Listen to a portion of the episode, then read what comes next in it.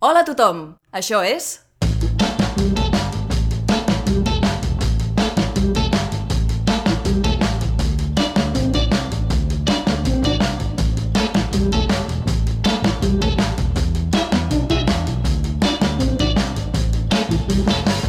Verícid sulfúric.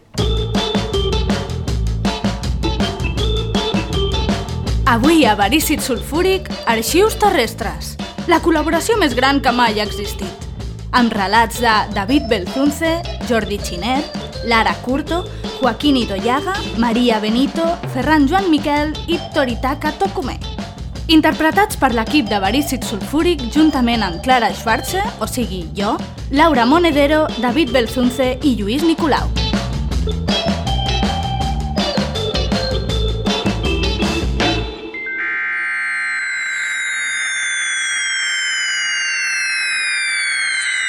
Inicialitzant l'obertura d'arxius terrestres. Història del planeta Terra. Fitxer 0009. Prehistòria. Historiador David Belzunce. Un vespre, en un àrid llogaret d'una regió prehistòrica, els joves germans, Uga i Hortal, treballaven al taller, una cabana rudimentària coberta amb pell de mamut en llurs prototips d'eines de pedra. L'endemà es produïa un esdeveniment capdalt en les seves vides. Presentaven els seus invents davant d'un comitè de savis provinents de diverses tribus de la regió. La crítica del jurat era decisiva. Només els autors dels millors estris es dedicarien a l'apassionant art de l'enginyeria lítica.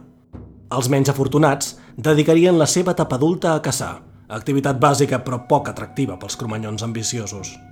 Luga treballava des de feia molt temps en un artefacte prodigiós. Un pal de fusta amb una roca obsidiana polida fixada a l'extrem permet emmirallar-se sense necessitat de veure's a l'aigua del llac. Bestieses! Gràcies a l'extensió del bastó, on podia fer-se una pintura rupestre o un autogravat, immortalitzant moments sense necessitat d'algú extern a l'escena. L'Hortal, en canvi, s'havia limitat a plagiar un prototip guanyador d'alguna edició anterior del certamen. Res de plagi, és una versió lliure. A la prehistòria, la discussió sobre la propietat intel·lectual encara és poc fèrtil. Aquella nit, Luke es va quedar fins ben tard perfeccionant la seva creació, però el seu germà va marxar a dormir aviat, prometent despertar-lo l'endemà a trenc d'alba.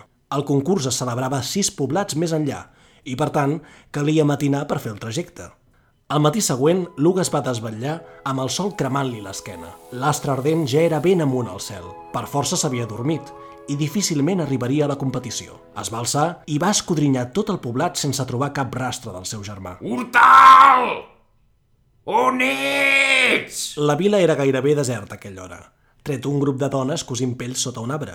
Luga s'hi va tensar i va veure que les noies reien per sota el nas. Ei, heu vist el meu germà?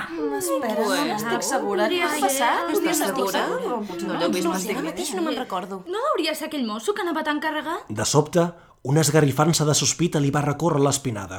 Va córrer fins al taller i va comprovar com el seu artefacte no es trobava dins del farcell de pell de cèrvol on l'havia guardat a la nit. En aquell mateix moment, sis poblats més enllà, el seu germà Hortal havia descartat definitivament la seva andròmina i presentava l'invent de Luga com a seu. El següent invent el presenta Hortal Balumba, del poblat de... de... de sis pobles més enllà. Es tracta d'un pal de fusta amb una roca obsidiana polida fixada a l'extrem que permet emmirallar-se sense necessitat de veure's a l'aigua del llac. Demostració. Atenció! Lluís! Prodigiós! Quin miracle! El comitè de savis va quedar meravellat amb el bastó per autorretratar-se i el van proclamar guanyador immediatament, batejant-lo com a Paloz Eself i Es dirà palo de selfie. una seqüència de sons qualsevol. Per celebrar-ho i immortalitzar el moment, van decidir fer-se una pintura rupestre commemorativa sobre una pell de llop allà mateix. Però les arts prehistòriques requereixen temps i dedicació. Quan gairebé anaven per la meitat del testimoni d'aquella victòria i el sol començava a iniciar la seva retirada, va aparèixer tot esbufegant Luga. Frau! Mentida! Tongo! Eh, què hi fas tu aquí? Un moment. Qui gosa acusar de frau, mentida i tongo el veredicte d'aquest comitè de savis? És la primera vegada a la prehistòria que passa alguna cosa així. El meu germà ha robat l'invent per guanyar el concurs. Traïdor! Però què dius, farsant? Oh, quin horror! Déu Déu meu, meu, què és això? quin engany, quina amalgama de coses. D'acord, jovenet. Si el que dius és cert, suposo que podràs demostrar-ho. I tant que ho puc fer. He fet venir el xamà del segon poble que va de camí venint d'allà, o sigui, el quart poble que va de camí venint d'aquí. Vaja, el- és igual, el xamà. Ha de ser molt important per tu aquest premi si has molestat un xamà i l'has fet venir fins aquí. Però els xamans estan en contacte amb la veritat, és cert. Ell ens podria aclarir aquest dubte. Es pot saber on és? El xamà té el doble d'edat que vostè i jo junts, senyor Savi. Prego que tingui el detall d'esperar-lo. M'ha dit que anés tirant, que jo tenia les cames més llargues. Així doncs van arribar a un pacte. El retratista seguiria elaborant la pintura rupestre sobre pell de llop, però deixaria la cara del guanyador per dibuixar fins l'últim moment. Si abans que el dibuix hagués acabat arribava el xamà i desvetllava l'engany, Luga seria proclamat guanyador i seria retratat. Però si el xamà demorava molt la seva arribada... Mireu qui ve. Qui és sota aquesta túnica de búfal? És el xamà! En efecte, el xamà va arribar a l'instant precís, ni massa tard ni massa aviat. Aquests prehistòrics ja en sabien de mantenir el suspens fins l'últim moment. En silenci i congregant un gran nombre de persones al seu voltant, va agafar els dos germans de la mà i va començar a remugar mots incomprensibles, mentre fumava d'una enorme pipa. Ah, Sereje. Ja. Deje. Deje de tu, deje de beser i no guamajavian de bugian de Winnie Un moment. Veig algú treballant fins a altes hores de la nit. Veig algú tallant aquest pal de fusta amb rigor i tenacitat. I... Un moment! Veig algú roncant al llit. Algú fent pets al llit molt fort. Uh, quina pudor! Algú amb molt males intencions. Digui, digui, qui és el verdader autor del palo de selfie? Ah, sí, digueu. He vist xamans més ràpids. Funcionari. El xamà va xuclar fora de la seva sospitosa pipa, fent un últim esforç per connectar amb la veritat. De sobte, els seus ulls es van quedar en blanc i va parlar amb veu greu. A venir vi, a boe Ho tinc! L'únic autor legítim és Luga! Bien! Toma, toma! Jódete, cabrón! Sempre que estem de guais ha de venir un fumet a tallar el rotllo. D'aquesta manera, el xamà va destapar l'enganyifa i va obligar el germà traïdor a confessar la seva mentida al comitè. Luga va ser reconegut com a vencedor i es va convertir en tot un mestre de l'enginyeria lítica, mentre que l'Hortal... Ai, l'Hortal! El pobre va quedar desemmascarat com a traïdor, condemnat a perseguir-nos la resta de la seva vida. Tampoc va ser tan greu. Amb tanta carrera m'estan quedant unes cametes i un glutis topetonificats. I és que, com bé diuen els cromanyons, no per molt matinar et lliuraràs de caçar. Fins a la propera prehistòria! Fitxer 0028 Imperi Romà Historiador Jordi Xiner Després d'uns mesos intensos de batalles menors, l'exèrcit romà i l'exèrcit gal es van trobar en una esplanada per combatre a mort. Dels dos exèrcits, un quedaria en peu i aconseguiria la victòria, mentre que l'altre seria massacrat. En un moment de lucidesa, el general romà havia enviat missatgers per proposar un parlament de general a general, per veure si es podia arribar a un acord i minimitzar les morts gratuïtes. El cap de la tribu de la regió gala va acceptar. Els dos es trobarien en el centre del camp de batalla, a cavall, armats només amb espasa. La data assenyalada, amb dos generals es van preparar per l'encontre. El romà es va col·locar l'armadura, mentre que el gal es va pintar tot el cos amb pintures que es confonien amb el paisatge. Tot l'exèrcit va veure com les dues figures muntades a cavall s'anaven apropant l'una a l'altra fins a quedar a una distància prudencial. Bon dia, Ambiorix. Feia temps que volia posar-te cara. Bon dia, Valeri. Anem al gra. Jo també parlo llatí, així que què em proposes? Encara no ho sé. Ara parlarem per veure què, què podem arreglar. Jo no tinc ganes de lluitar. Tu? Ah, la veritat és que tampoc. La guerra és fatal. Tinc mal de ronyons i no puc dormir a les nits. Igual que jo. Tu també dors a terra? Esclar, damunt d'una pell de porc senglar, que és com dir res. Per no parlar del menjar, del fred, de la humitat... Tens raó. La veritat és que estos últims mesos ha refrescat. I, i el menjar no abunda, tot siga dit. Home, vosaltres encara esteu en el vostre territori. Però a nosaltres se'ns escapen totes les preses. Tampoc creguis. Els meus soldats no és que siguin els millors caçadors del món. Ni tan sols lluiten bé. Va, com els meus. Una colla de jovenets espantats que no saben obeir. Saps què? L'altre dia van caçar un porc senglar i no sabien ni posar-lo a rostir. Tu creus? Vaig haver d'anar jo a dir-los com es feia. Calla, calla, que un grup dels meus van veure aigua estancada i estan tots amb febre i delirant. Estancada? Sí, aigua estancada. Verda i amb granotes. Tan estancada com aquesta guerra? Una mica menys, segurament. Però avui toca desestancar-la, no? Per això estem aquí parlant. Sí, tant de bo poguérem evitar-ho. Però tu saps que no podem. Jo sé que els dos tenim un exèrcit de merda que es dedica a beure aigua estancada i a cuinar malament un porc senglar. Com vols que lluiten entre ells? Què faran? Utilitzar l'espasa pel costat que no és? Nosaltres utilitzem llances i destrals, no espases. Tant se val. General, no podem fer-nos aliats ara de sobte. El meu poble i el teu esperen una victòria definitiva. Molt bé, doncs. La tindrem. La tindrem nosaltres. Molt bé, adeu. Adeu. El general romà i el cap gal es van allunyar cap als seus respectius exèrcits, fins que amb dos van donar l'ordre d'avançar. Només Júpiter sap qui va sortir viu d'allí.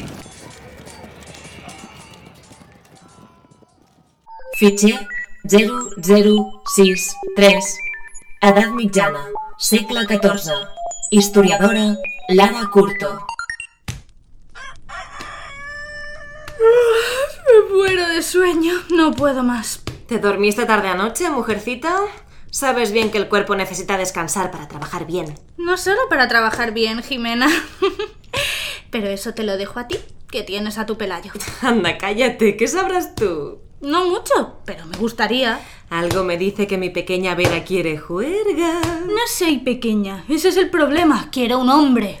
Pero tú dónde ves el problema? Si quieres un hombre no tienes más que salir a la calle y elegir. Estarán dispuestos, te lo aseguro. Además, no sé si sabes que estás más buena que el pan. Pero a ver, Jime, tú estás loca si te crees que me voy a poner a elegir en la calle. Mujer, no te lo tomes al pie de la letra. Pero sí, todos estos negocios se cuecen en la calle.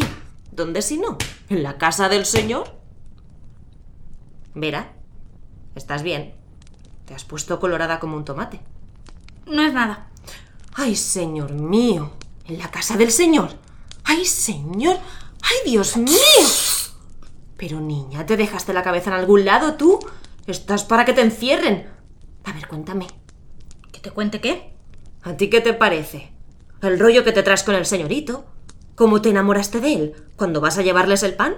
Si él nunca entra en la cocina. ¿En qué momento pensaste que... ¡Ay, por Dios! Pero si además es un cretino ese Alonso Junior. De verdad, un gilipollas. ¿No merece la pena ni intentarlo? ¿Verá? ¿Sí? No me estás escuchando. Perdón. ¿Pero qué vas a hacer entonces? Si quieres un consejo, olvídate de ese tarugo. Trata fatal a todo el mundo, incluso a su madre. Es un consentido insoportable.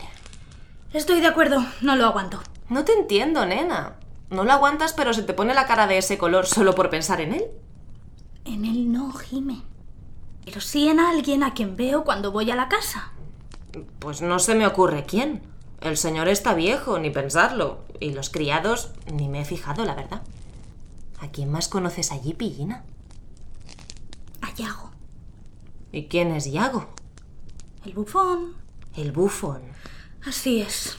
No sé qué decirte, Beremunda. Me parece un lameculos del señor. Lo peor de lo peor. Pero si no lo conoces. No me hace falta. ¿Te crees que le gusta su trabajo? Pues no, no en esa casa. Pero se tiene que ganar la vida al pobre, como tú y como yo. Nosotras hacemos pan para ellos. No es tan diferente. Eh, tranqui. Veo que te has convertido en su defensora incondicional. Es tan... distinto. No es tan distinto, créeme. ¿Y tú qué sabes? Bueno, sé lo que sabe todo el mundo.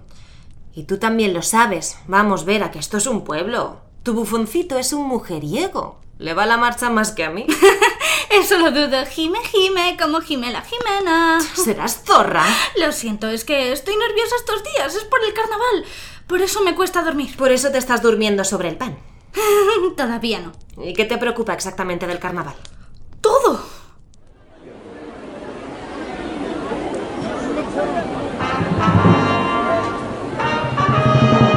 Damas y caballeros, tengo el enorme placer de darles semejante noticia. Desde este instante es carnaval. Os recuerdo las reglas que todos deben seguir. Los ricos serán pobres y los pobres ricos. Los feos serán bellos y los bellos feos. Hoy es el día en que todo está al revés. Hoy todo vale. Una única obligación. ¡Divertíos! A ver si encuentras a tu amado bufoncete. O si él te encuentra a ti. Ay, estás guapísima, Vera.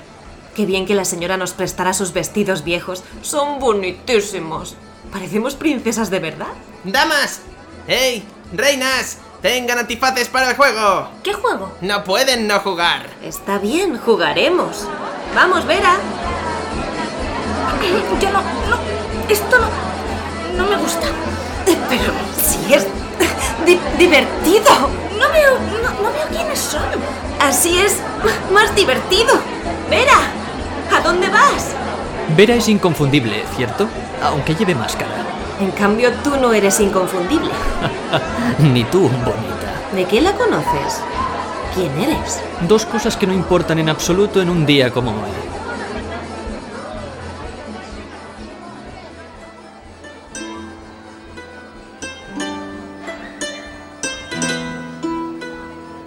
¿Sabes? Soy una tonta. No sé por qué tengo que sufrir tanto si no lo veo y si lo veo también. Bueno, esto es ley de vida. Siempre ha sido y siempre será así. ¿Tú crees? Yo me imagino una chica como yo en el futuro, una chica que viva dentro de siglos. Y no puede ser tan tonta, de ninguna manera. Seguro que no serán así. En todo caso, no lo veremos. Eres la chica menos tonta que conozco, a decir verdad. ¡Yago! ¡Qué susto! No esperaba encontrarte aquí, pero eres inconfundible, por mucha máscara que lleves. Fitxer 0144.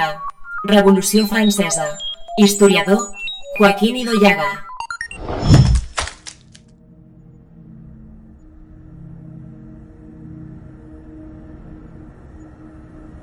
El grito enmudeció a la plaza entera. Todos y cada uno de los asistentes fijaron su mirada horrorizados en aquella mandíbula desencajada, en aquel rostro agonizante de un color rojo oscurecido, aquellos dientes teñidos de bordó. La bestia había caído. El reinado de terror llegaba a su fin, y uno a uno, gritos de júbilo fueron asfixiando el quejido del ajusticiado. Un clamor acompañaba aquel atardecer, un nombre unificado por cientos de voces, un cántico que repetía el nombre de su salvador, del líder de aquel siglo, Robespierre. El grito intentaba silenciar aquellas voces, y algunos llegarían a afirmar que aquel agónico alarido no se esfumó de sus labios resquebrajados hasta que el filo de la guillotina separó la cabeza del cuerpo. Otros, no tantos, defenderían la presencia de una sonrisa, una enigmática sonrisa, nacida entre el amasijo de piel, sangre y hueso. La sonrisa de un loco, de un fanático, de un iluminado. No fue hasta que ascendió al poder que se percató realmente de su magnitud, de su presencia, de la hermosura trágica que la acompañaba. Allí, solitaria, expectante, aquella pieza de metalurgia sabía convertirse a través de los primeros acordes del atardecer en una obra de arte. No era raro verlo pasear alrededor de su figura bien entrada la noche, acariciando sus extremidades de madera allí donde la humedad dejaba entrever que alguien había estado fregando con ahínco los restos de sangre y lágrimas. Lo maravilloso de aquella realidad, aquella que su amada guillotina gobernaba, era que ninguna imposición humana podía evitar su legado impertérrito. No había títulos, no había posiciones, no había siquiera lazos familiares que pudiesen frenar la caída de su filo, y aquello era algo que lo fascinaba, que lo enternecía de forma maravillosa. Maximilián sabía eso, y era el silbido del metal al caer lo que le producía una sensación inconfundible de bienestar, de total y absoluta significancia, como si toda su obra se viese culminada por aquel decisivo corte. Sonreía abiertamente al ver cómo el público de los ajusticiamientos alababa sus decisiones, cómo aquellos luchadores libertarios veían recompensado su esfuerzo y dedicación al ver cómo los tiranos aristocráticos se veían reducidos a simples criminales bajo su mandato su justo reinado no descansaría. Una a una las figuras de aquella corrupta realeza se encontrarían con su amada. seguidos de aquellas vetustas presencias de blancas pelucas. Jueces, terratenientes, sacerdotes, enemigos de una revolución que jamás frenaría. Una revolución que lo tenía él, a Maximilián, como su innegable justiciero. Fue durante una de aquellas visitas a ella que Maximilián comenzó a escuchar las voces, los susurros, las historias que los incautos pronunciaban cerca de ella. Despistados por su estoica presencia y por su esqueleto de madera, los conspiradores le dejaban escuchar las traiciones que, al caer la noche, ella le repetía. Lo que intentaba decirle con esos susurros encapsulados era que había llegado el momento de devolverle el favor. Eran los enemigos de la guillotina, los enemigos de la revolución, del progreso, los que necesitaban ahora justiciamiento. Aquellos que encerraban dudas entre sus asentimientos, que ocultaban bajo cada sonrisa un gesto de preocupación. Maximilián posó su mano en la madera desgastada del tocón en el cual los reos colocaban la cabeza, allí donde comenzaba el final de todas las vidas. Las voces llegaron con más intensidad y por encima de todas la voluntad de la guillotina. Los arrestos se sucedieron uno a uno los días siguientes. Maximilián atrapaba entre sus dedos las sombras de la traición que proyectaban incluso quienes antes habían afirmado ser sus más leales amigos, aquellos que teñían de duda la figura de la guillotina. Maximilián observaría horrorizado cómo los rostros de su consejo iban cambiando paulatinamente, cómo extraños ocupaban sus lugares más cercanos y cómo el miedo y la preocupación se esparcían entre ellos con una facilidad abrumadora. Cada vez eran más las horas que pasaba en compañía de la guillotina escuchando su voz, la única que jamás le mentiría, la única que jamás lo traicionaría.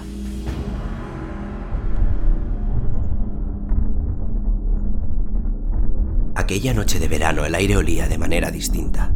Eso era algo que Maximilián había notado incluso antes de entrar en el hotel, allí donde la reminiscencia del progreso había decidido reunirse. La tensión era casi tangible. Hacía tan solo unas horas que la gran mayoría de los congregados habían visto sus nombres aunados con órdenes de arresto y ejecución. Y aquello era algo para lo que nadie tenía solución. Incluso él, el iluminado, el padre de aquella revolución, el único ejecutor que había sabido llevar visiones a la realidad, él, Maximilián, se había visto rebajado al mismo nivel que aquellas alimañas que él mismo había sentenciado. No fue hasta que uno de ellos pronunció la sentencia que Maximilián comprendió lo terrible del asunto. La guillotina no espera la guillotina. La tez de su rostro palideció súbitamente, y las náuseas se apoderaron de su cuerpo al mismo tiempo que los primeros golpes en la puerta principal avisaban de la entrada de la comuna enfurecida. La utilizarán contra mí. La obligarán a matarme. El griterío que ocupaba las calles había conseguido criar una respuesta dentro de aquel hotel, y ahora eran ellos, los perseguidos, quienes traían alaridos a sus gargantas, llorando clemencia ante sus próximas ejecuciones. No puedo permitirlo. No pueden obligarla. No fue difícil encararse hacia el ventanal, tampoco tomar carrera y atravesar el vidrio. Horas más tarde, y rememorando aquel suceso, Maximilián apenas recordaría el dolor de los cristales incrustados en su piel. Lo que sí fue difícil fue el abrir los ojos después de la caída, el aceptar que la muerte lo esquivaba con una cierta malicia. Por un instante el mundo entero se había silenciado, y Maximilián solo era capaz de sentir el dolor de sus piernas magulladas, dobladas en ángulos imposibles y teñidas del color de su propia sangre. Las voces procedentes del piso superior, allí donde la comuna ya se había adentrado, avisaron al resto de traidores de su posición, y Maximilián sintió entonces que, incapaz de moverse, la solución a aquellos problemas radicaba a la altura de su cintura. Al sentir el tacto del acero en la palma de su mano, sintió como una profunda gratitud hacía convulsionar su cuerpo, y mientras se llevaba la boca del arma a la sien, dedicó una última mirada a la sombra de la guillotina, una sombra que se le había acercado para verlo morir.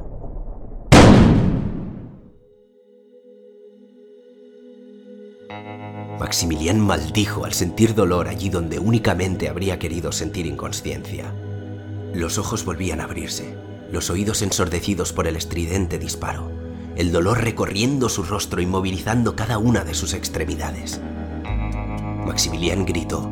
Sin embargo, lo único que brotaría de entre el agujero que antes había ocupado su mandíbula sería un quejido monstruoso. Buscó con la mirada la guillotina. Sin embargo, lo único que pudo ver antes de caer inconsciente serían los rostros de sus enemigos. La muerte lo había esquivado una vez más, y encerrado en la misma celda que tiempo atrás había ocupado la realeza, Maximilián deseó morir una y mil veces. Recuperó la conciencia en medio del día, mientras dos verdugos lo arrastraban hacia la guillotina. Un pañuelo ensangrentado sostenía el peso de la mandíbula, y a pesar de que su cabeza lo incitaba a volver a desfallecer, Maximilián alzó la mirada y se encontró con su amada. No fue capaz de pestañear hasta que su cabeza ocupó el lugar de los ajusticiados en el tocón de madera. Fue entonces cuando la realidad volvió a azotarlo. La comuna se había congregado alrededor de la guillotina, miles de voces gritando enfurecidas su nombre. Robespierre. Lo llamaban, lo mantenían despierto, como si quisieran que él fuese enteramente consciente de cada uno de sus últimos segundos. Robespierre encontró su reflejo en el filo de la guillotina, y las náuseas finalmente acabaron, convertidas en una sensación de alivio, de profundo placer, de total y absoluta armonía. Las voces se extinguieron, y lo único que se escuchó en la plaza fue el sonido de aquella risa gutural. Juntos, finalmente, unidos por un beso de acero. Juntos, finalmente, lejos de quienes jamás habían podido comprender su verdadera voluntad. El filo cayó y solo quedó la sonrisa. De un loco, de un fanático, de un enamorado.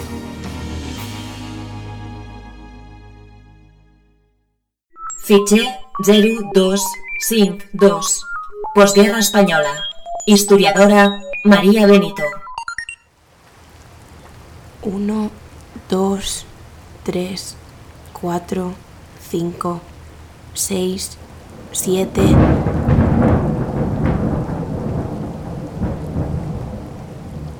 Uno, dos, tres, cuatro, cinco, seis, siete, ocho, nueve, diez, once. Uno, dos, tres, cuatro, cinco, seis, siete, ocho, nueve, diez, once, doce, trece. Se va para el robledal. Calla, Ramona. Hay milagros, no seas tonta, que esto ya lo he hecho muchas veces. Es peligroso, no te olvides. ¿Cuántos jabones has traído? Con lo de hoy creo que podré conseguir comida para una semana. Ramona. Aunque contando lo de la fábrica igual tengo para un par. Lo que yo quiero, Mila, es irme al extranjero. Cuando acaben las penurias me iré y mandaré algún dinero desde allí a mis padres. Claro, tú, cuando vuelva tu Tomás... Por favor, deja de hablar. Perdona. ¿Y Elena y Tomasín? ¿Se han quedado durmiendo? Pobrecitos míos. Vale, ya. Me callo.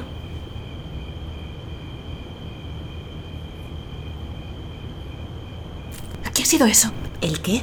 ¿No lo has oído? No. Mierda. Me pone nerviosa tanto silencio. No te aclaras, chica. Me refiero al de después de la lluvia. Me acuerdo de una vez que estaba con mi hermana Rita. Ramona, no empieces.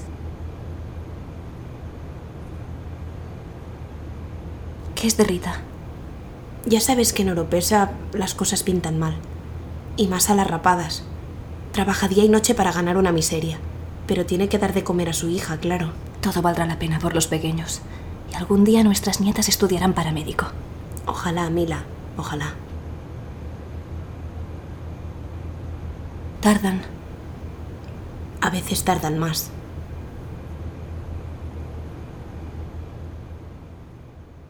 Fitxer 0307. Segle XXI. Conflictes bèl·lics. Historiador Ferran Joan Miquel. Ella m'estreny fort entre les seves cames. Jo empenyo fins al fons. Ella ja fa una estona que ha arribat. Sempre ho fem així. Primer arriba ella, després arribo jo. Jo empenyo fins al fons. Gemego. Sento que s'acosta. La respiració se'm torna entretallada. Remor de vísceres. Em buido. Em buido dins del cos d'ella. Fins que el temps esdevé un llac en calma, un continu. No hi ha passat ni futur, ni records ni càbales. S'ha acabat la feina. Crear la vida és un miracle, destruir-la una conseqüència.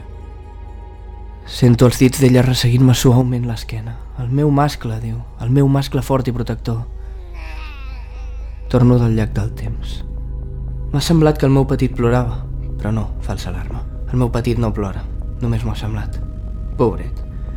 Té el pit tapat de mocs i unes dècimes de febre. Es devia refredar passejant pel bosc. És culpa meva. Ella diu, què passa? I jo, res, m'havia semblat que el nen plorava. Ella continua resseguint-me suaument l'esquena amb els seus dits de seda. El meu mascle, el meu mascle fort i protector. El meu cos s'estova. Caic damunt del tou flonjo del cos d'ella.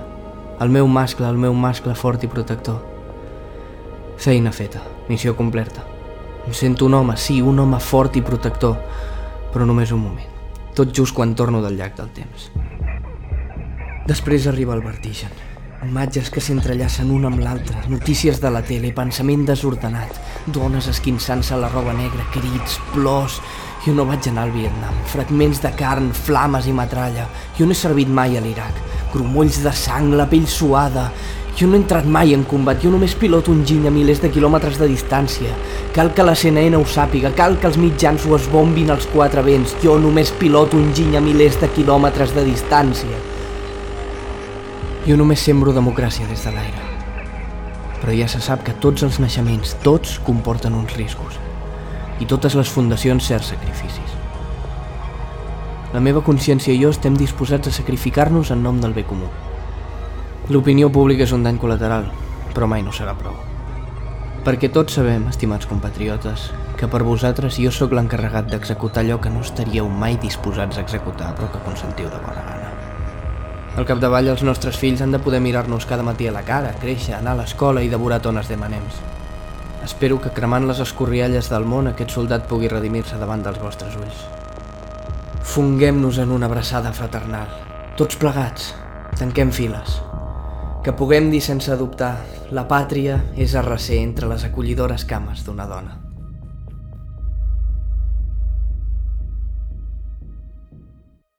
Fitxer 0596 Segle 23 Revolució mèdica Historiador Toritaka Tokumei Se sap que el senyor Kaufman va sortir del no-res.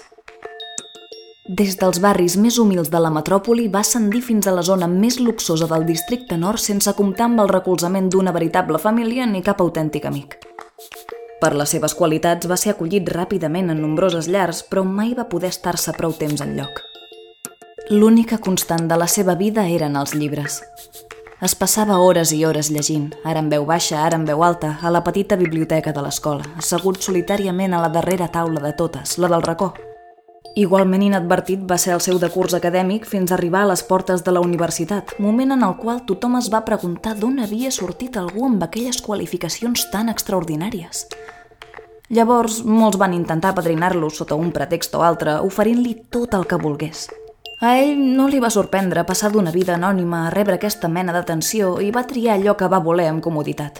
Dos anys més tard sortia d'una de les universitats més prestigioses per convertir-se en un dels millors teòrics que ningú hagués vist mai. Ja no li van dir mai més pel seu nom.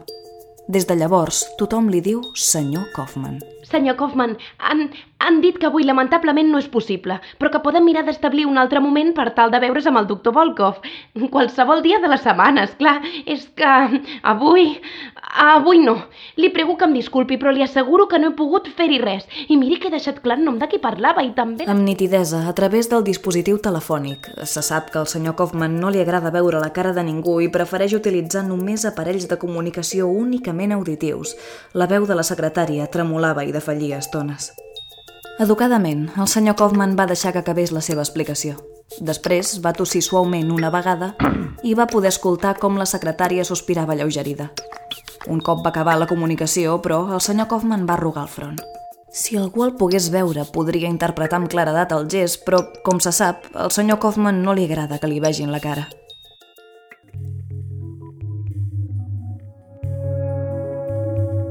Se sap que l'Institut Sanflers és el millor. Els seus tractaments transcendeixen els límits de la imaginació de qualsevol ciutadà ordinari. Però, és clar, tothom sap que els ciutadans ordinaris no poden anar a Sanflers. Només l'elit de la societat i fins i tot d'aquesta part només els més afortunats poden tenir la sort d'anar-hi. De fet, literalment ningú sap com anar a l'Institut Sanflers. Només els escollits que tenen prou paciència, i aquesta es pot mesurar des d'un mes com a mínim fins a molts anys, reben la visita de l'inconfusible transport multicolor que el recull i els du a través del desert fins a la seva seu. I se sap que tornen sent millors. El senyor Kaufman mai ha necessitat ser millor. Té el que vol, especialment una gran biblioteca dins i al voltant de la qual ha anat construint el que podríem anomenar la seva llar. Des de l'interior dels molts passadissos i columnes de llibres escriu durant anys i anys. Però el senyor Kaufman vol anar a Sanflers perquè quan llegeix Homer i pensa en els Aedes s'ha donat que li falta una cosa, descendència. I li cal, perquè el senyor Kaufman vol que algú digui la seva història. No vol escriure-la ell mateix o que ho faci qualsevol altre perquè això voldria dir que caldria llegir-la perquè existís, sinó que vol que es digui, perquè la paraula dita és viva mentre que les altres no. Se sap que vostè és una de les ments més brillants en el seu camp. El senyor Kaufman va tossir dues vegades. Amb un somriure, mentre desviava un instant la mirada cap als monitors del seu escriptori, el doctor Leon Volkov va continuar. Per nosaltres és un honor, doncs, que hagi triat el nostre institut per dur a terme un procés tan senzill i alhora tan transcendent. Tot i que, és clar, vostè sap que no és la nostra especialitat. No voldria cap altre dels tractaments que oferim? Ja té una edat força avançada i se sap que a Sanflers podem allargar... El senyor Kaufman va tossir una sola vegada, però amb rotunditat. D'acord, doncs li desitjo que la seva breu estada a Sanflers sigui molt agradable. Li dic breu no perquè no sigui un plaer tenir-lo amb nosaltres, sinó perquè tot plegat és tan senzill que avui mateix ja dormirà a casa. L'extracció serà totalment innòcua. Ara bé, eh, caldria parlar de les diferents possibilitats de l'altra part, ja m'entén... Li podem presentar ara mateix algunes opcions interessants, però és evident que ens ajustarem als seus desitjos i les particularitats que algú com vostè segur que... No se sap per què el senyor Kaufman va passar més d'un any a Sanflers, però sí que se sap que cap dels científics del prestigiós institut va determinar per què no podia reproduir-se. He llegit que ha mort avui, el mateix dia en el que ha acabat les conclusions de l'anàlisi de l'expedient que, amb total confidencialitat, Leon Volkov va enviar-me fa anys. Per molt que pugui sorprendre i per molt que em sàpiga greu que mai ningú pugui dir que se sap, jo sé i us puc dir que el senyor Kaufman no és humà. De fet, no té cap estructura vital coneguda. D'alguna manera, tret d'aquí i ara, molt em temo que l'únic que se sap del cert del senyor Kaufman és, senzillament, que no ha existit mai.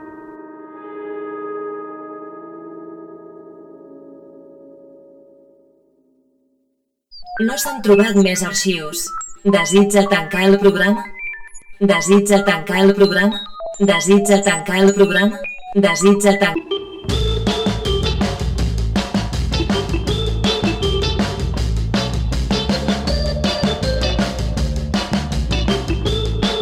Gràcies per escoltar Verícit Sulfúric. Pots trobar totes les novetats a vericitsulfúric.com i a Facebook i a Twitter sota el nom de Verícit Sulfúric.